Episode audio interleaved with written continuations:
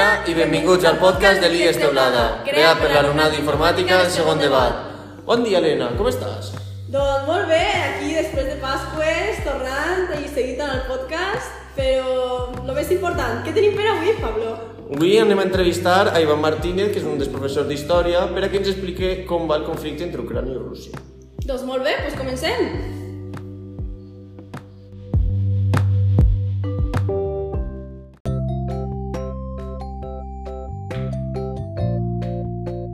Doncs avui ens trobem així amb Ivan Martínez, professor d'Història d'aquest institut, eh, i ens agradaria que s'explicares un poc qui és Ivan. Hola, bon dia a tots i a totes, bon dia, bona vesprada, bona nit, segons l'hora que estiguin escoltant. Eh, pues, soc eh, professor de, del Departament d'Història, de Geografia i Història de l'IES de Teulada. Eh, soc nascut a Elx, il·licità, però que estic per aquestes terres ja el segon curs, molt content en aquest institut, professorat i alumnes i poc més, que que dir. Estic en pràctiques aquest curs perquè vaig tindre la plaça el curs passat i, i aprofitant l'últim curs en aquest centre que tant m'ha donat. Bueno, el tema principal d'aquest podcast és el conflicte bèl·lic que hi ha entre Ucrània i Rússia. I voldries que ens, ens explicares un poc el conflicte en general, però començant per, òbviament, l'inici. Clar, molt bé, doncs, com tot inici de qualsevol conflicte sempre n'hi ha unes causes, veritat? Però aquestes causes jo considero que la primera és de caràcter geoestratègic. Què vol dir això? Que si els Urals estigueren 2.000 quilòmetres més cap a l'oest, Putin dormiria molt més millor, aleshores aquest conflicte no passaria. Però això és impossible.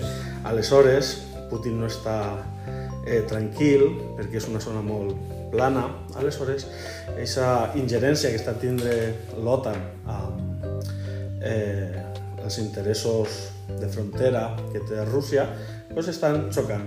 I és ahí on encontrem les causes polítiques, que són també molt importants.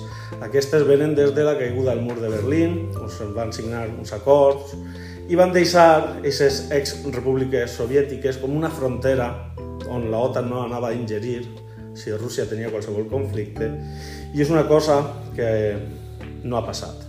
L'OTAN, aprofitant aquesta debilitat russa, després de la caiguda del mur de Berlín, pues ha tingut aquest expansionisme cap a l'est, cap a aquestes ex-repúbliques eh, soviètiques, i ràpidament va, aquestes no eren repúbliques ex-soviètiques, però sí que estaven dins del pacte de Varsovia, com podien ser la República Txeca, Hongria, Polònia, però aquestes ja sí que són ex-repúbliques soviètiques que estan dins de la OTAN, com és Letònia, Estònia, Lituània, i comencen ja aquestes tensions. Eh? Comencen aquestes tensions que van a desencadenar-se més en 2004. Per què? Perquè Yushchenko va ser el líder eh, d'aquest moviment pro-occidental, pro-europeu. I això va fer que les alarmes a Rússia saltaren. Eh? I comença... Bueno, van saltar tant que van envenenar a Yushchenko. Eh? Van envenenar al una, una, una pràctica que, que, que, que se fa més del que es deuria en aquests casos per a terres russes. Eh? I, I és ahí quan comença el 2005, he dit 2004, però en 2005 comença la revolució taronja eh? i és, eh, Yushchenko és nombrat president de la república i ja comença un període de molta inestabilitat en Ucrània. Per què? Perquè n'hi ha interessos occidentals i interessos orientals, és a dir, eh, occidentals Estats Units, OTAN, Europa, orientals Rússia i enmig Ucrània, eh? que són els que estan enmig i els que estan patint aquestes conseqüències. Eh, el 2010, eh, dic que és un període d'inestabilitat, 2005, 2010, arriba al poder Yanukovych. Aquest és pro-rus, és a dir, Ucrània ara va estar eh, dirigida per un president pro-rus. I en 2014 podríem dir que és la data d'inici d'aquest conflicte que ara s'ha convertit ja en una guerra oberta en interessos internacionals, però que en 2014 ja comença el conflicte. Eh? Tant és així que si busqueu a internet n'hi ha un vídeo molt esclarecedor d'Iñaki Gabilondo que diu que Ucrània va ser devastada ni, i que ni Europa, ni Estats Units, ni la OTAN anaven a fer res. 2014, 2022, poc s'ha equivocat. eh? aunque sí que estan fent, però no una intervenció directa. Bé, pues, eh, va fer dimitir a Yanukovych, aquest fugirà perquè estava buscat per traïció. Bé, pues, la part pro-russa d'Ucrània, en el suport de Rússia, òbviament, en el suport de Rússia, eh, van aportar a terme l'alçament començant així la guerra del Donbass, és a dir, la part fronterissa entre Ucrània i Rússia comença un alçament independentista, eh? el que és Donetsk, Lugansk, eh, van, a ser, van a declarar-se independents perquè es consideren prorussos. Hem de també recalcar que la cultura russa en Ucrània està molt lligada. Eh? Hi ha molta descendència russa en la població ucraïnesa. Bé, Eh, per què? Perquè Rússia vol tindre en Ucrània el que té en Bielorússia. Eh? En Bielorússia hi ha una dictadura eh, que és molt leal al, a Rússia. Eh? És una dictadura que és molt leal a Rússia i li agradaria tindre això, perquè és la seva frontera política en Occident. Eh, I què passa? Pues que ja en 2022, que seria ja el desenvolupament de la guerra, el 21 de febrer, Putin va reconèixer la independència de Donetsk i Lugansk. El 24 de febrer declaren la guerra i comença aquesta ofensiva russa. Abans d'això, havia unes tensions polítiques, veritat, entre Estats Units, Europa, l'OTAN, Rússia, amenaçant-se si vas a intervindre en Ucrània jo desplegaré, fins que Putin va amenaçar en un atac nuclear, veritat? És, és el seu segur per a que no intervinga l'OTAN és aquesta la carta que està jugant per la no intervenció de Rússia. Bé, i què passa? Pues encontrem que tenim més de 4 milions de refugiats, veritat? Europa està obrint les portes que tanca el Mediterrani. No és una crítica a lo primer, sinó a lo segon, veritat? On mor gent a diari, eh, aquests eh, migrants que venen de l'Àfrica o de Síria, eh, que també són, estan sofrint una guerra, i Europa tanca les portes mentre que obri les d'Ucrània. Repetís, no és una crítica a que agafen refugiats ucranians, sinó que es tanquen altres, altres vies. Eh, Europa, OTAN i Estats Units estan mirant des de fora, és a dir, no tenen una participació directa, no estan això, sí que estan aplicant sancions econòmiques, que és una nova forma de d'entendre els conflictes. Eh? Això és una aposta de la Unió Europea i que està resultant gairebé eh, bé. Eh? Són eh, sancions econòmiques que obliguen a Rússia o que li fan mal a Rússia. Ja sabem que els han eh, congelat aquestes grans fortunes, a aquests oligarques rus que tant de pes tenen, el comerç. Eh? Europa, recordem que és el segon major mercat del món. El primer és aquesta aliança asiàtica que s'ha fet fa poc, però la Unió Europea és el segon major mercat del món. Eh, I la guerra continua, hi ha una resistència ucraïnesa, hi ha un despertar nacionalista a Ucrània i se li està enviant molt armament. Això sí que està fent-lo l'OTAN, Estats Units, Europa.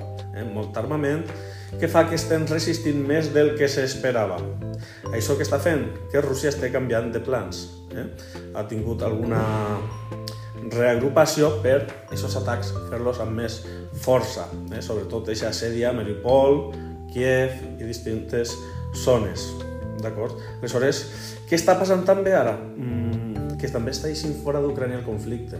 Està anant cap a Moldàvia. Moldàvia té una república independent, també pro-russa, que és Transnistria, on hi ha hagut la setmana passada diferents atacs. Diferents atacs al Ministeri de Seguretat, a una torre de comunicacions i a un aeròdrom militar. Eh, aquests atacs s'estaven investigant, però a vegades solen ser atacs per justificar el que es diu causes belli, no? per justificar una ofensiva també en Moldàvia, per aquesta estratègia que té eh, Rússia d'unir una via cap al Mar Negre.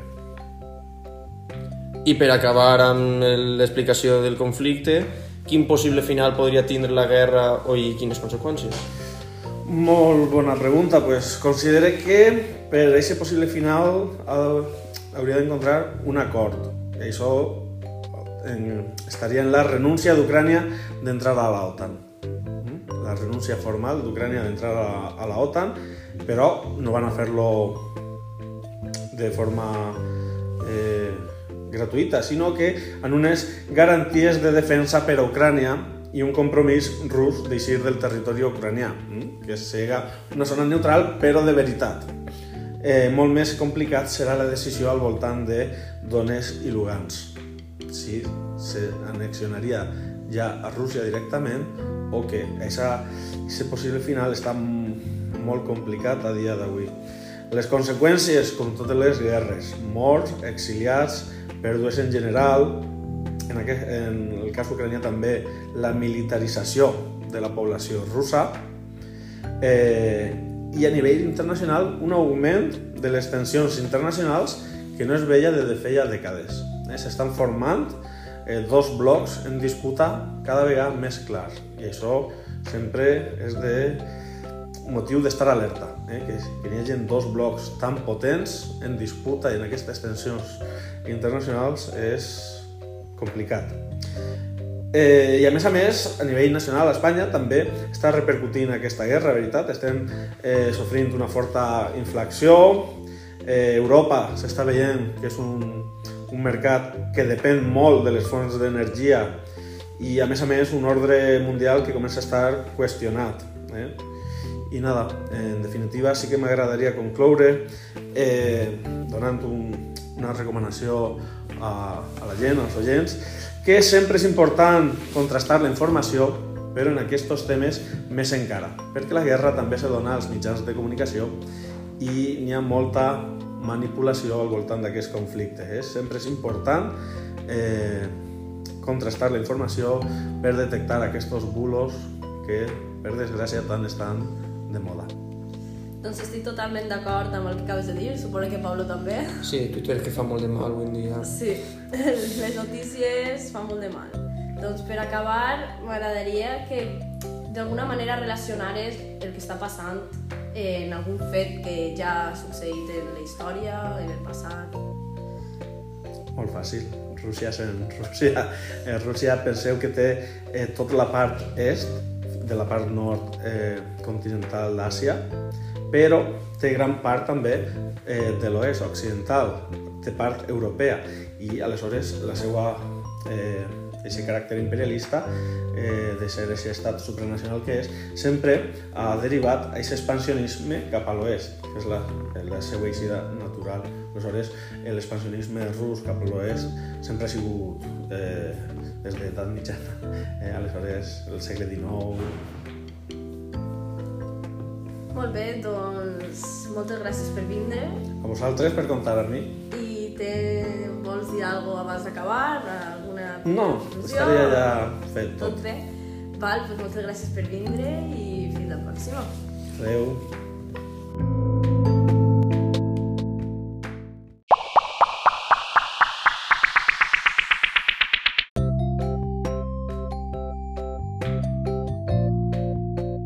Fins aquest capítol de podcast. Recordeu que podeu aportar idees en les nostres redes socials o en el nostre correu que us deixarem en les notes del podcast. Esperem que us hagi agradat, compartiu amb els vostres amics i fins, Fins la pròxima!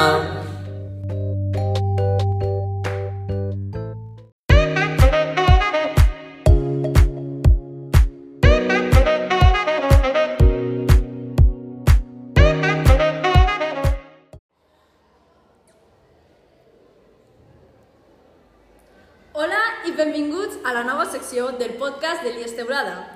Tinc així amb mi a Pablo, Buenas. que va explicar-nos en què consistirà. Efectivament.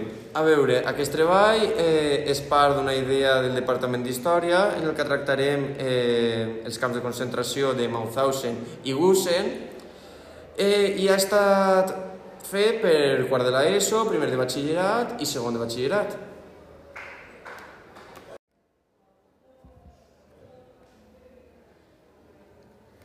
Doncs tenim així a un alumne de quart de l'ESO, hi ha un alumne de primer debat i a nosaltres dos, Pablo i jo, que som de segon debat, per explicar l'experiència fent aquest projecte.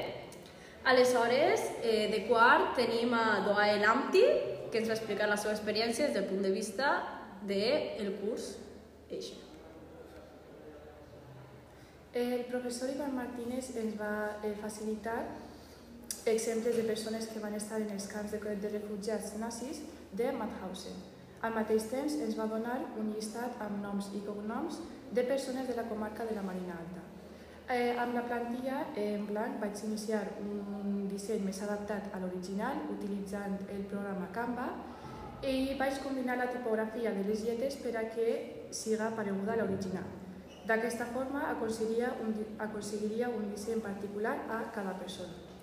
Per, eh, vam traduir de l'alemany al valencià la informació que ens va facilitar el professor i vam emplear cada plantilla amb la mateixa informació que tenien eh, les originals. Amb aquesta activitat hem pogut aprofundir més sobre, un part, sobre una part terrible de la història mundial, concretament els camps de concentració de Mauthausen. Val, doncs moltes gràcies. Gràcies. I ara anem a passar a l'alumne de primer debat, Pau. Bueno, moltes gràcies. Um, jo soc Pau Buigues i bueno, vaig a representar uh, el treball de primer debat. Nosaltres som bàsicament els redactors, els redactors de l'obra a la que hem titulada Una història incòmoda en memòria democràtica, los presos republicanos de la Marina Alta en Mahausen i Gusen. La primera, la primera edició l'han fet en castellà, encara que tenim planejat fer una en valencià en col·laboració amb el Departament de Valencià, però això ja quan es publiqui la primera. Després, um, aquest treball, com hem dit el títol, és en primer lloc memòria democràtica perquè el nostre objectiu era, l'objectiu del nostre grup era donar veu als vençuts en la Segona Guerra Mundial i en l'Holocausto, que serien els, en l'Holocaust, que serien els jueus, els presos republicans, específicament en Mauthausen, i correspon a la nostra responsabilitat del present de redimir els errors del passat, perquè al passat no se li ha donat la importància deguda a, a la història dels vençuts, com són els presos republicans d'Espanya que van acabar a Mauthausen. I per això hem utilitzat les teories de la filosofia de la història de Walter Benjamin, que no vaig explicar-les, perquè això està al treball ja ho explicaran els, els meus companys del segon de batxillerat als veniders episodis del podcast. Um, després del treball um, tractem específic, específicament tots els camps de, de l'Holocaust i després, més a profunditat, Mauthausen i Gusen. I finalment um, utilitzem les fonts traduïdes i altres fonts originals de registros nazis i testimonis uh, de presos um, per explicar l'experiència dels presos de la Marina Alta que van acabar a la red de concentració de Mauthausen i Gusen. Respecte a l'experiència del nostre grup uh, fent el treball, ha sigut un treball, ha sigut un treball molt dur, molt concentrat, perquè tenia moltíssima informació que tractar i, i al final el treball ja actualment ja està quasi acabat, eh, quasi en l'última edició i, i pensem que ha quedat un bon resultat i que podeu, i que podeu aprendre molt al respecte. Gràcies al treball. Doncs moltes gràcies. I ara, per part dels alumnes de segon debat, pues Pablo començarà explicant la seva experiència del seu grup. Ok, bueno, a veure, he d'admetre que va tindre pues, coses bones i coses no tan bones. Eh, quan, per exemple, no sé, vam tindre algun problema per descarregar eh, Audacity i així editar-ho, perquè, clar, volíem fer-ho tot quan quedàvem en grup, però no vam poder això, descarregar Audacity, va ser un programa un poc diferent al que gastem normalment, i no aconseguíem acabar d'editar-ho bé. Més tard jo em vaig descarregar l'Audacity normal que tenim tots i sí que vaig aconseguir acabar-ho. Però després també va tindre coses bones, com per exemple és que ens vam riure prou per els típics errors que fas mentre graves i això, que bueno, nosaltres que estem fent el podcast ho sabem prou bé. No vaig a recordar, Sí. no vaig a recordar, millor no. I això van, va estar bé, vam, complet, vam aprofitar la informació que ens van proporcionar els nostres companys, vam completar amb alguna cosa que havien de buscar, i la veritat no va estar mal, ho vaig disfrutar. Bueno, pues per la part de, del meu grup, eh, va estar molt bé, la veritat. Van tindre un parell de problemes també en la gravació, perquè, clar, quan tu graves intentes posar una altra veu per a canviar de, ton, de tons i canviar... per a que no siga monòton i avorrit, bàsicament, el que fem aquí, Sí. que no siga... Uh, i ja Llegir, està. no com clar, que no siga com llegir. Entonces, clar, jo vaig, per exemple, tindre que repetir un parell de voltes la gravació perquè no em pareixia que sonara del tot bé. I després vaig tindre un poquet de, un poquet de problema perquè li he posat una musiqueta al podcast per a, que no, per a ser més ameno. I que si sentia massa fort la música, que si no se me sentia a mi, que si, al nostre, que si a mi se me sentia en l'àudio però a l'àudio de la meva companya no es sentia. Bueno, que ho vaig tenir que regular tot i tot i al final doncs espero que vos agrade no el meu sinó tots els episodis de d'aquesta secció. Eh, doncs, hasta així, eh, l'episodi 0, podem dir, de presentació de la nova secció. Efectivament. Espero que us hagi agradat. Com sempre, us deixem a les notes del podcast tot, tota la informació, xarxes socials i donar les gràcies al Departament de de Geografia i Història i a vosaltres dos, a quart i a primer debat, en representació a vosaltres, per facilitar-nos el de segon debat perquè nosaltres sols hem tingut que gravar. La informació de veritat l'han trobat aquests dos cursos. Així que moltes gràcies i Fins la pròxima!